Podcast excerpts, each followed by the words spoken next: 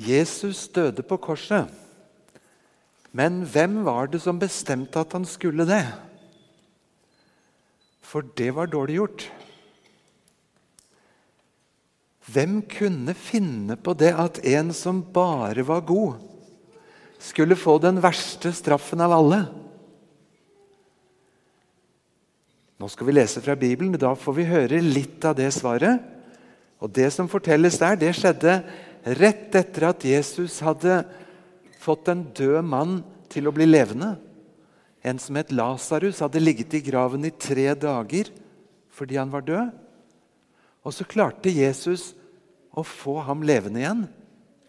Og Det var det så mange som hørte om, at overalt så snakket de om det. Og alle ville se Jesus og finne ut hva han egentlig var for en mann. Og Så står det i Johannes 11, fra vers 45. Mange av jødene som var kommet til Maria, og som hadde sett det Jesus gjorde, de kom til tro på ham. Men noen gikk til fariseeren og fortalte hva han hadde gjort. Da kalte overpresten og fariseerne sammen rådet, og de sa, 'Hva skal vi gjøre?' Dette mennesket gjør mange tegn. Hvis vi lar ham holde på slik, vil snart alle tro på han. Og så kommer romerne og tar både det hellige stedet og folket vårt. En av dem, Kaifas, som var øversteprest det året, sa da dere skjønner ingenting. Dere tenker ikke på at det er bedre for dere at ett menneske dør for folket, enn at hele folket går til grunne. Dette sa han ikke av seg selv, men fordi han var øversteprest det året, talte han profetisk om at Jesus skulle dø for folket. Ja, han skulle ikke bare dø for folket. Han skulle også samle til ett de Guds barn som er spredt omkring. Fra denne dagen la de planer om å drepe ham. Så hvem var det som ville at Jesus skulle bli drept på et kors? Her hørte vi om noen, gjorde vi ikke det? En overprest. Og så mange av de som satt i et stort møte sammen med han. Og noen av de var skriftlærde. Og Det betyr at de visste veldig godt hva som sto i Det gamle testamentet. Og enda de visste hva som sto i Gammeltestamentet, så var de på feil side. Dere kan tro jeg skvatt en gang jeg fikk et kort og Kanskje vi kan se det på veggen her? For da hadde jeg tatt en stor prøve og blitt doktor i teologi, og så var det en av de gamle professorene som skrev en hilsen til meg. Velkommen blant skriftlærde og farisere, Sverre. Oi, hva skjedde med meg? For jeg ville jo være på Jesus sin side, og ikke en sånn som de som alltid sto imot. Og Heldigvis er det mange som kjenner Bibelen godt, som er på Jesus sin side. Gud kan bevare da også. Men det neste bildet viser en som var blitt overprest, eller øverste prest. Og Han hadde en flott prestekjole. Masse sterke farger. Tenk at alt det hadde Gud bestemt. I himmelen så hadde han tenkt ut hvordan øverstepresten sine klær og alt skulle være. Og så fikk Moses laget nesten en kopi av det. En av de fine tingene syns jeg er den plata som øverstepresten har på magen sin. For der er det tolv forskjellige edelsteiner. Nydelige kanskje diamanter og smaragder og hva det er for noe. Og Det var sånn fordi hele Israel var tolv stammer. Og når øverstepresten skulle gå inn i tempelet og be til Gud for folket, så kom han der som en som var på vegne av alle, hele folket, trådte fram for Gud. Og Når Gud så dem, så så han disse funklende edelsteinene, diamantene, smaragdene. En fantastisk fin ting til hva det er å få lov til å be for noen. Vi ber for noen som Herren ser, som diamanter og edelsteiner. Det er ikke vi som skal overtale Gud til å synes det er interessant å følge med hva vi tenker på. For han selv ser nettopp det når vi får lov til å tre fram foran Han. Men det var ikke hver dag en overprest hadde lov til å gå inn i tempelet. Bare én gang i året. For det var noe som var et stort problem. Og det var at menneskene hadde synd. Og synd var alt det som stengte til Gud. Og Nå har jeg lyst til å få vise dere på en litt sånn pussig måte hvorfor Jesus måtte dø på et kors. Da må jeg få litt hjelp av Egil.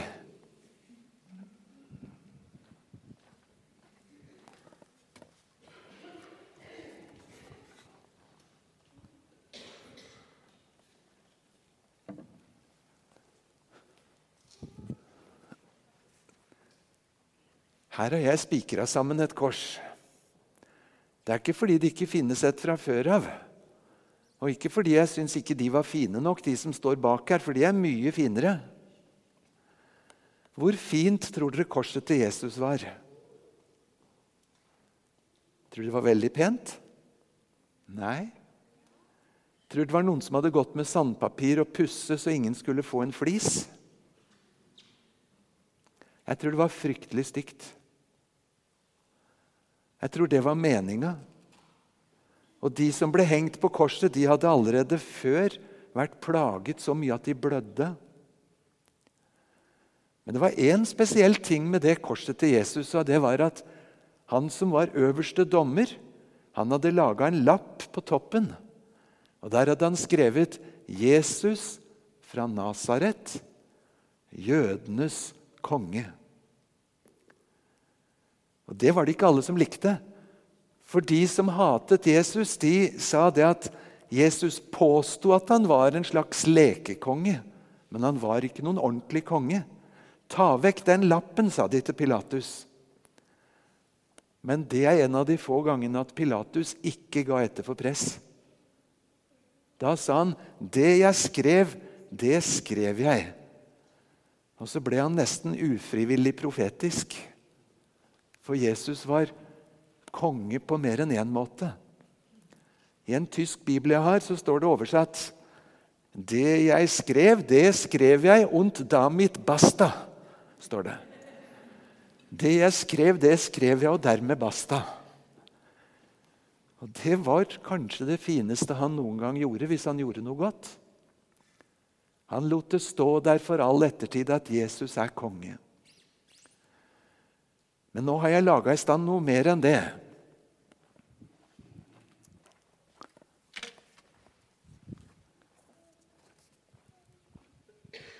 Kan alle se at det liksom er et hjerte? Hva bor inni hjertet ditt og mitt? Nå skulle det vært spennende å høre alle forslag på hva som bor inni hjertene. Det kunne blitt nesten litt for spennende. Men det bor i hvert fall blod sånn i det ordentlige hjertet. Var det noen som hadde tenkt å si Jesus? Ja. En av guttene mine han hadde hørt at Jesus bor i hjertet. Og når han av og til ble litt andpusten, sånn at han kjente pulsen, så sa han nå er det Jesus som er der inne. Nå tror jeg han bokser litt.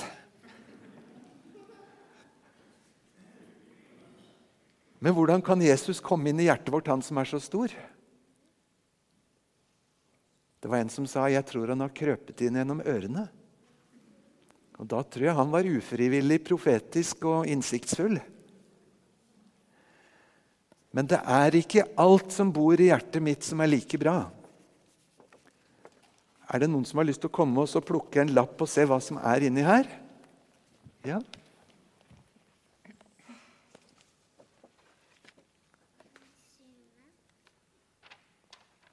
I alle dager, hva står det her? Hva står det for noe her? Misunne. Sånn at når noen andre har noe jeg vil ha, så får jeg lyst til å ta det nesten fra dem. Og istedenfor å være glad for at de har fått det, så kanskje det tipper over til å bli at jeg er misunnelig. Har dere tenkt over det at alle de der tankene som skal gjøre meg stor og de andre små, det er, det er synd? Misunnelse, står det i Bibelen, er synd. Nå skal jeg få lov til å vise dere hva Gud gjør med sånne lapper som dette.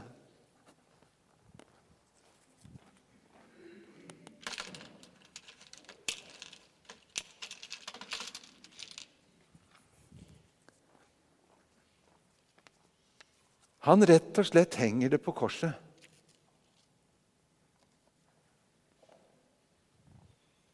Jesus måtte dø på korset fordi du og jeg vi misunner noen istedenfor å unne dem det. Skal vi se om det er mer oppi her? Du plukker? Nei? Tegne?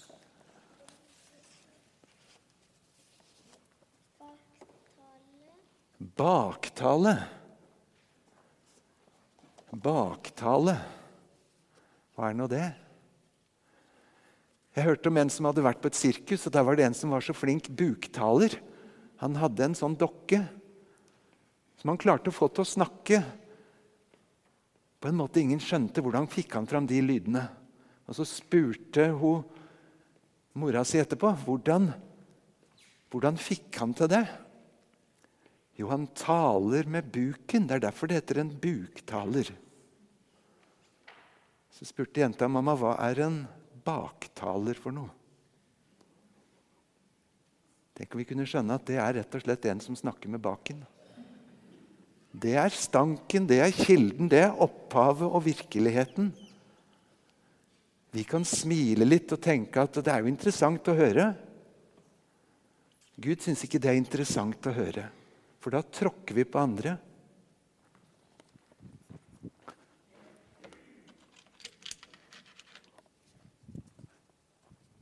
Fordi jeg og du baktaler andre, så måtte én ta straffen. Enda står det mer her.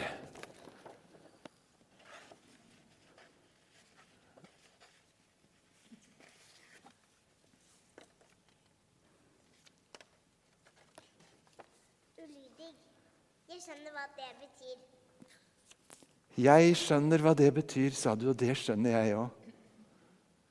Gud har bestemt at vi skal være lydige. Men noen ganger bestemmer jeg meg for at jeg vil ikke være lydig. Når det står 80 på veien, så har jeg lyst til å kjøre i 90, og så har jeg lyst til å være ulydig. Og mange, mange andre måter hvor ulydigheten kommer.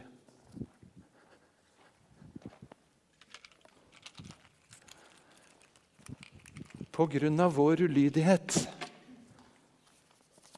måtte noen ta straffen. Den eneste som var lydig, tok straffen for dem som var ulydige. Skal vi se. Her er det mer.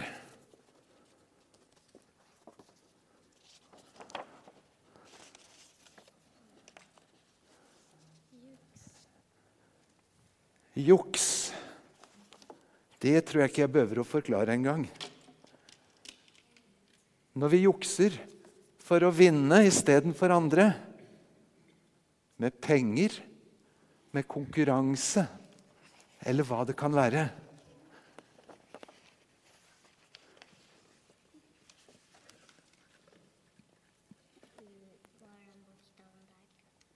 G.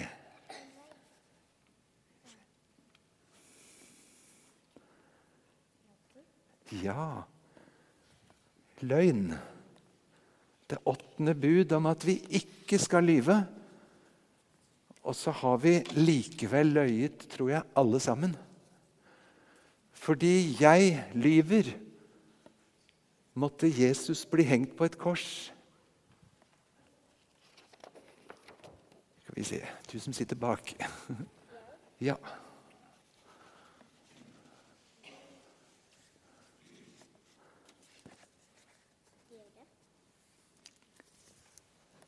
Stjele.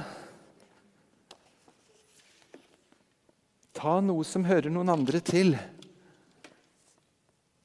Enten det er tid, penger, et godt rykte eller hva det måtte være. Da Jesus ble hengt på korset, så var det to andre som ble hengt på korset ved siden av ham. De var sikkert både tyver, røvere og kanskje enda mer de hadde gjort feil.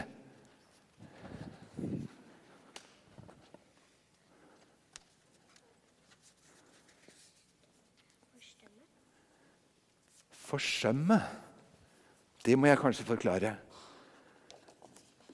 Hvis jeg lar være å hjelpe noen som jeg kunne hjulpet, hvis jeg lar være å gi til noen som trengte, bare fordi jeg ville ha det selv Da jeg var barn, så trodde jeg synd det var de tingene jeg gjorde som var galt, og som jeg kunne krysse ut. Når jeg blir voksnere, så skjønner jeg at kanskje det er like mye synd i forsømmelsene mine som i alt det jeg faktisk gjorde som var galt. Syns dere korset blir penere og penere for hver ny lapp nå?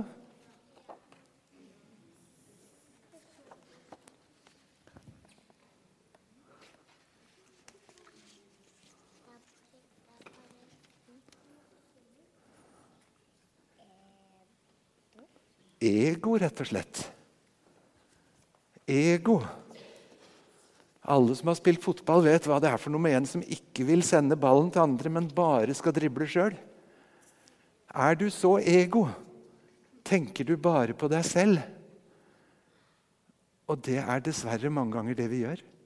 En hel verden full av meg, mitt, mine. Sånn var ikke Jesus, men sånn er vi.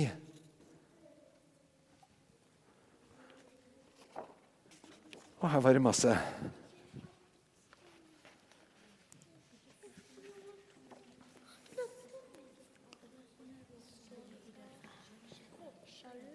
Sjalu. Det at andre får til noe som ikke jeg fikk til, og så har jeg lyst til å nesten ta det fra dem. Skylde på andre, kanskje. Hørte om en som kom styrtende inn til mor, og så sa han Søstera mi gjorde noe fælt. Gjorde hun noe fælt? Hva gjorde hun for noe? Jo, sa han, du har sagt det skal vi ikke gjøre. Det står i Bibelen vi skal ikke gjøre det. Ja, Men hva gjorde hun da? Nei, jeg slo henne, og så slo hun tilbake. Og Det skal hun ikke, for da skal hun bare snu andre kinnet sitt til, sa han. Så hadde han glemt at det var han som begynte, og han som slo. Det var jo sant at hun også skulle, og så skulle han snike seg unna.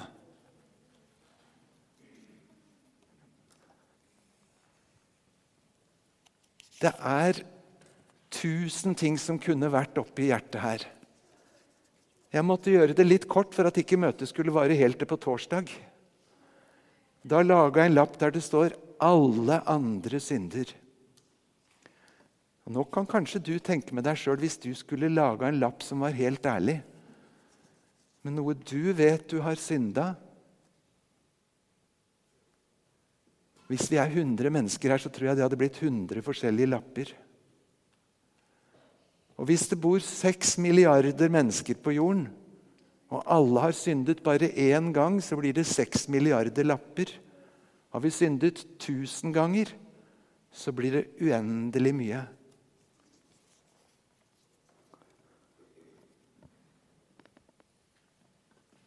Syns dere korset blir penere og penere?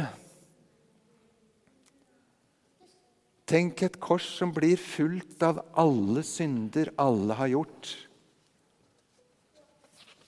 Da får vi trekke litt videre her.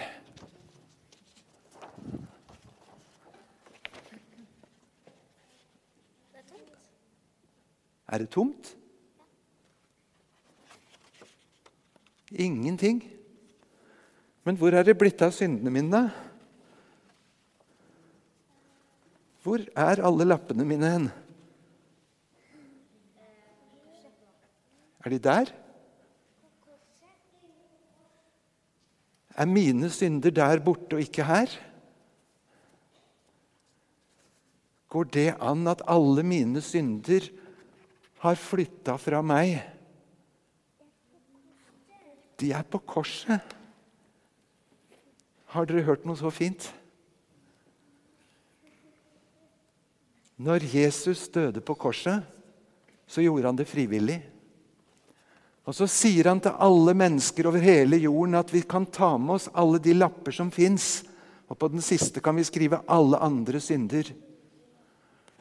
Og så kan vi se godt på korset. Der er syndene mine, ikke her. Og Derfor er det i alle kirker over hele verden så kan du se et kors. Sånn at du og jeg alltid skal tenke 'Hvor er det blitt av korset?' 'Hvor er det blitt av syndene mine?' Og så er de ikke her. For det er som dere sa, de er der borte. Jesus er Guds lam som bar bort verdens synd. Men når jeg står opp om morgenen og går på badet, så ser jeg et speil. Og så kan jeg spørre lille speil på veggen her, hvem er eh, Ja, hvem er jeg? Tror dere speilet klarer å fortelle meg det? Nei, da må jeg gå til en bok. En bok som heter Bibelen. Og den vet bedre enn speilet hvor syndene mine er blitt av. Den boka forteller meg at syndene mine er der og ikke her. Selv om vårt hjerte fordømmer oss, er Gud større enn vårt hjerte. Han vet alle ting. Og Da må vi tenke på han ypperstepresten Kaifas. Han var helt ufrivillig profetisk. Han trodde bare han var smart. Det er bedre med ett justismord enn et helt blodbad i Jerusalem, tenkte han. Han visste ikke sjøl hvor sant det var, det han sa. Det er mange sånne i Bibelen som er ufrivillig profetiske. En som het Biliam.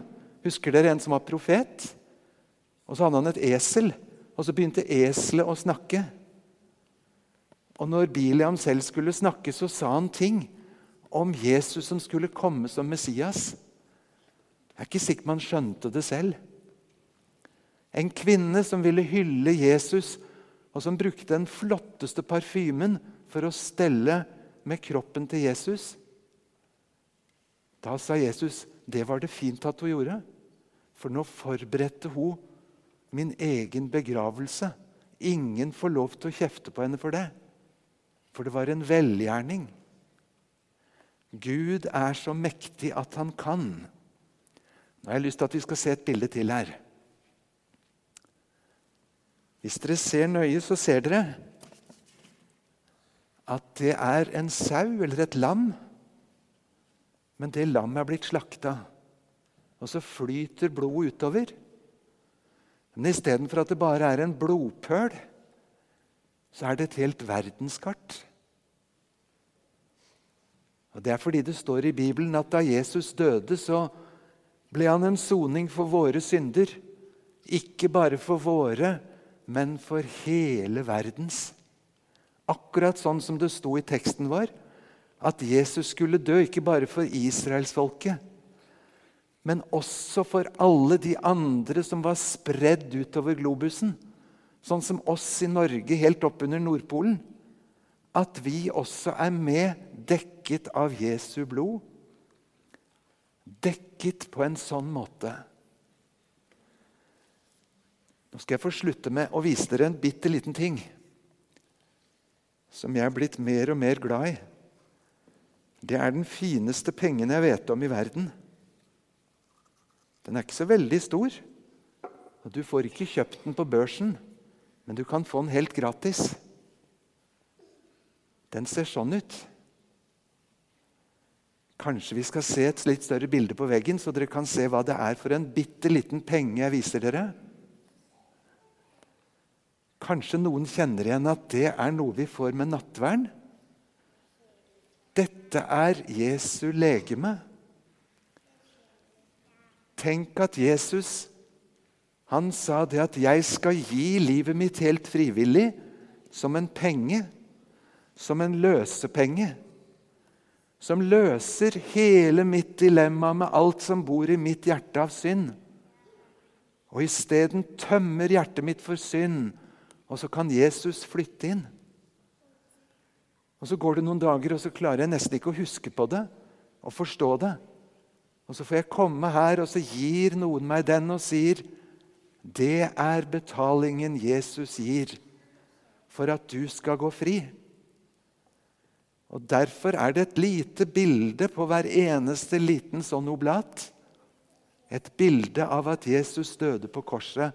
Der havnet mine synder.